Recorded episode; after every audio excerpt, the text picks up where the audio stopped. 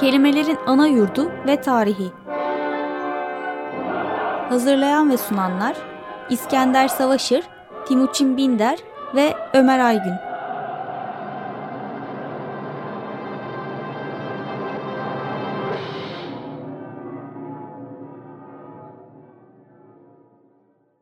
İyi akşamlar efendim.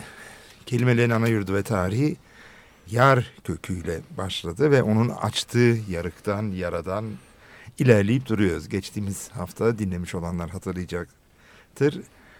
Başrolü yara olan bir, bir yara olan bir operadan bahsetmiştik Wagner'in Parsifali'nden. Yani bu anlamda biraz kelimelerden uzaklaşır gibi olmuştuk.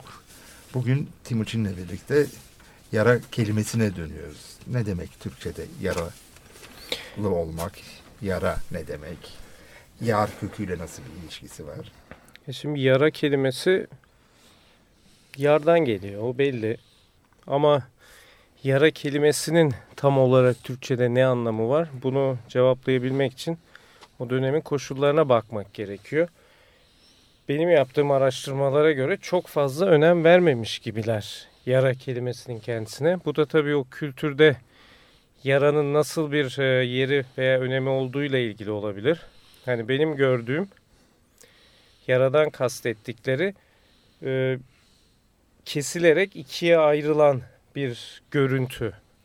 Yani daha çok aslında yarayı, yara kelimesini sanki tedavi amaçlı kullanmışlar. Yani kabarmış eti e, yara biçip şeklinde bir cümle var. Yani bu yara biçip hani koşa geldim gibi bir şey sanki yara oradan ortaya çıkmış gibi. Hani yarıldığı zaman yara yani kan akıyor dışarı daha bir rahatlıyor.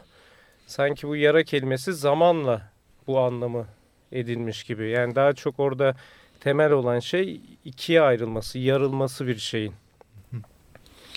Aslında çok dolambaçlı bir yoldan benim geçen hafta söylediklerime bağlanabilecek bir yanı var. Ben alışmış kudurmuştan beter misali batı metafiziğini dövmek için kullandığım için buradaki kelimeleri yara senin dediğinden anlaşılacak olursan bu pastoral koşullarda, Orta Asya'daki koşullarda hayatın çok daha olağan, yani bizim kullandığımız anlamda yara hayatın çok bir eksilme hali değil, hayatın çok daha olağan hallerinden biri vücudun kesikler içinde bulunuyor olması. Ya onu da diyebiliriz veya belki de başka bir şey vardı. Daha çok iç kanamalar mı ya da bir türlü kanayamayan yaralar mı onlar da yaygın olmuş olabilir. Yani sonuçta ilk tedavi yöntemlerinden biri olmuş olabilir ki bu günümüzde bile yapılıyor. Yani akıt düze iyileşsin veya kendine gelsin o gibi şeyler kullanıyoruz. Yani ilkel bir tedavi yönteminin uzantısı gibi gözüküyor bu kelime. Yani bugün bizim dünyamızda tabii daha farklı. Yaraya biz tedavi olarak bakmıyoruz. Bir sorun olarak bakıyoruz. Evet yani bu ıı, programlarda beni bana çarpıcı gelen şeylerden bir tanesi bu yar kökünün şöyle ilk bakışta olumsuz, işte şiddet içeren, parçalama, yok etme anlamlarına geldiği düşünülebilir. Oysa biz deştikçe bu o, yarayı e, giderek olumlu anlamların, e, pozitif anlamların ortaya çıkarma, değer e, kazandırma, e, yararlı hale getirme gibi anlamların ortaya çıktığını görüyoruz ki e, bence yara için de senin söylediklerin aynı biçimde geçerli. Yara ilk başta bize işte acı veren, e, ya hastalıkla ilişkili bir şey gibi görünüyor. Oysa senin dediğin gibi e, tedaviyle ilişkili bir şey olarak belki de karşımıza çıkıyor. E, yani programa ilk defa katılmış olanlar için bir hatırlatma yapayım. Şu anda konuşmakta olan Ömer Aygün'dür. Hoş geldin Ömer. Hoş bulduk. Yara ile ilgili olarak benim söyleyeceğim yani esasında buradan bir yere ben hareket edeceğim daha ziyade. Ee, ve Timuçin şey dedi yani yara ikiye ayırmak. Bence bu bu açıklama yar köküne ilişkin bir şeyler de gösteriyor. Yar kökü yarmak fiili olarak kullanılan şey Türkçe'de de bugün hala aynı şey geçerlidir. Bir parçalama fikri, yok etme fikri hakikaten yok. O şaşırt bana çarpıcı gelen şeylerden bir tanesi bu. İkiye ayırma fikri var ve bir şeyi ikiye ayırmak onu yok etmek değil neredeyse neredeyse var etmek, onu yaratmak anlamına bile gelebiliyor bu köklerde. Bununla ilişkili olarak yarmak ikiye ayırmak anlamına geliyor. Yani parçalara ayırmak ya da delmek değil de ikiye ayırmak anlamına geliyor. Bununla ilişkili bir sözcük ve bence bu anlamı e, güzel taşıyan bir sözcük Türkçedeki yarı ve yarım e, sözcükleri. Bence aydınlatıcı bir tarafı var çünkü e, bir şeyi yarım, bir şeyin yarısı ya da bir şeyi yarım bırakmak e, ancak bütün olarak düşünüldüğü zaman yapılabilecek bir şey. Dolayısıyla bir filmi yarı bırakmak, yarıda bırakmak demek işte 100 dakikalık bir filmin yalnızca 50 dakikasını izlemekten farklı bir şey esasında. Yani o 100 içerisinden yalnızca 50'si ya da yalnızca 70'i ni izlemek demek bir filmi yarıda bırakmak. Dolayısıyla filmin yarısı e, ancak filmin tamamı üzerinden anlaşıldığı zaman e, ölçülebilen, anlaşılabilen bir şey. Bir cümlenin yarıda kalması ancak o cümlenin tamamı düşünüldüğü zaman anlaşılabilen bir şey. Dolayısıyla bir şey evet ikiye ayrılıyor. Tıpkı bir yarada gibi bir çizikte olduğu gibi bir şey ikiye ayrılıyor ama o iki parça var olan parça ve eksik olan parça bir arada tutuluyor zihinde en azından. Bu yarı, yarım gibi kavramların anlaşılabilmesi için. E, şunu mu demek istiyorsun? Aslında yar bize öyle bir şey gösteriyor ki bütünün düşünülmekte olduğunu ancak yarma işleminden sonra yarma işlemidir ki bize bütünün tasavvur edilmiş, tasarlanmış olduğunu ilk defa açığa çıkarıyor. Ancak yarıldığında aslında biz bir bütünlüğü farz etmiş olduğumuzu idrak ediyoruz, görünür kılınıyor bu. Evet hangisinin önce gel e, geldiğini bilmiyorum ama birbirleriyle ilişkili ve birbirlerini zorunlu kılan e, kavramlar e, demeye çalışıyorum. Ve yani yarım dediğimiz yarımı tam olmadan düşünmenin mümkün olmaması ilginç bir şey gerçekten. O yüzden de yarım dediğimiz zaman esasında e, bütünü birlikte e, düşünmemiz e, gerekiyor. Dolayısıyla bir filmi yarıda bırakmak e, herhangi 50 dakikasını izlemek demek değil. E, ilk 50 dakikasını izlemek bile demek değil. Ne demek o zaman bir filmi yarıda bırakmak? 100 dakika olduğu bilinen bir filmi belli bir noktada bırakmak yani eksik bırakmak. Bence yarım sözcüğünü birazcık deşmeye başladığım zaman benim karşıma çıkan şey matematiksel bir kavram değil. Onu söylemeye çalışıyorum aslında. Ve esas olan fikir e, yüzde ellilik yani yarım denince bir şeyin yarısı denince yüzde elli anlıyoruz biz bundan ama esasında bence eksik daha esas e, esaslı bir fikir. Bir yarım denince bir şeyin eksik olduğu e, fikri benim benim için daha daha verimli ve daha geçerli bir anlam alanı gibi geliyor bana. O zaman bir hayatın yarıda kalması gibi bir şeyden bahsedememiz gerekiyor. Oysa pekala aslında bir cevap var kafamda sen konuştukça oluşan. Yani bir hayatı anladığım kadar o zaman ancak bir proje olarak tasavvur ettiğimiz takdirde yarıda kalmış bir hayattan bahsediyoruz. Ne bileyim hani bir tür Kemalizm yorumundan hareketle şey diyebilirsin. Atatürk'ün hayatı yarıda kaldı, yarım bırakıldı. Yani bir şekilde Kemalist proje tamamlanmadan öldü. Onu hitamına erdiremeden, tamamına erdiremeden. Ancak öyle bir proje atfettiğimiz zaman hayata onun yarıda kalmış olduğunu düşünebiliyoruz. Evet ve dolayısıyla e, hayatın yarıda kalmasıyla bir filmin yarıda kalması arasında bazı fark, önemli bir fark var. Çok önemli bir fark var. Özellikle hayatı yaşayan sensen. Evet. o zaman benim ilgimi çeken yani buradan gideceğimiz alanlar bakımından da belki gelecek filmlerden bahsedin. Ben de gelecek hafta sinemamızda çağrışımları uyandırdı. Bu bu kelimelerin açtığı alanlar üzerinde durmamız gerekecek alanlardan biraz bahsedeyim. Bir kere ya bile kelime kelime diye duruyoruz. Hiçbirimiz bildiğim kadar Sami dillerinde özellikle uzman olmadığımız gibi özellikle cahiliz galiba Sami dilleri konusunda. Oysa kelime kendi kelimesinin kendisi bir yarmaya gönderme yapan bir fiil. Dolayısıyla gelecek haftalar için kendisinden şimdiden söz aldım. Kelimenin yarma ile ilişkisi üzerine Ömer Lekesiz bizimle buluşup konuşacak ama şimdi konuştuklarımızın düşündüğü bir şey var. Yani yarma dediğimiz andan itibaren aslında bir dizi başka şey özellikle yarı dediğimiz andan itibaren bütün tamam. Yarma daha yani bütüne daha olumlu bir yaklaşımı temsil ediyor sanki. Çünkü Türkçe'de Yani bu çok eski dönem Türkçesine döndüğümüzde o parçalara ayırma yırtma kelimesiyle karşılanmış. Yani yırttığınız bir şeyde bir şeyin sonucunda ortaya yeniden üretilecek bir şey çıkmıyor. Ha. Yani yırtıp parçalamak deriz genelde. Yarıp parçalamak demeyiz.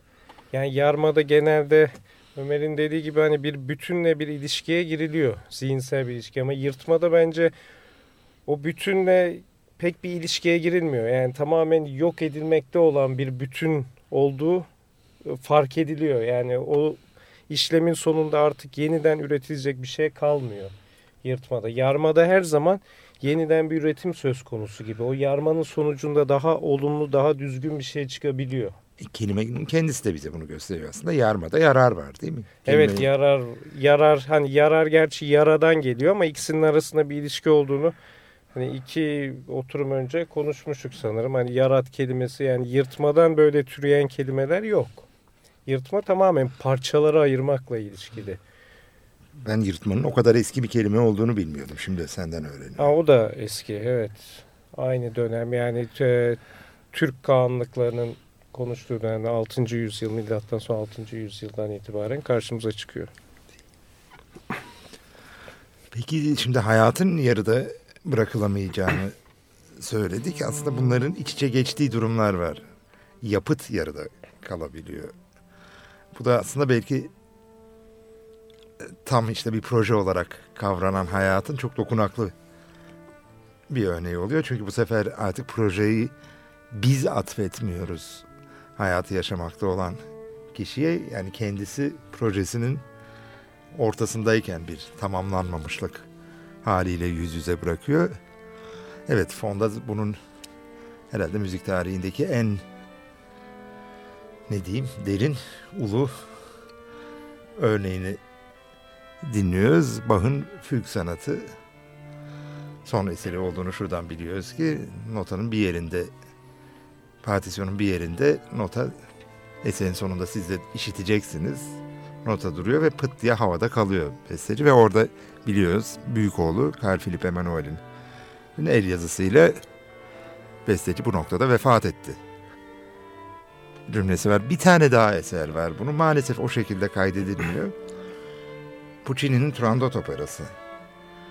O da bitiremeden ölüyor. Fakat opera öğrencilerinden biri tarafından tamamlanıyor ve bugün yapılan bütün kayıtlar yani Turandot diye bildiğimiz opera bugün öğrenci tarafından tamamlanmış opera.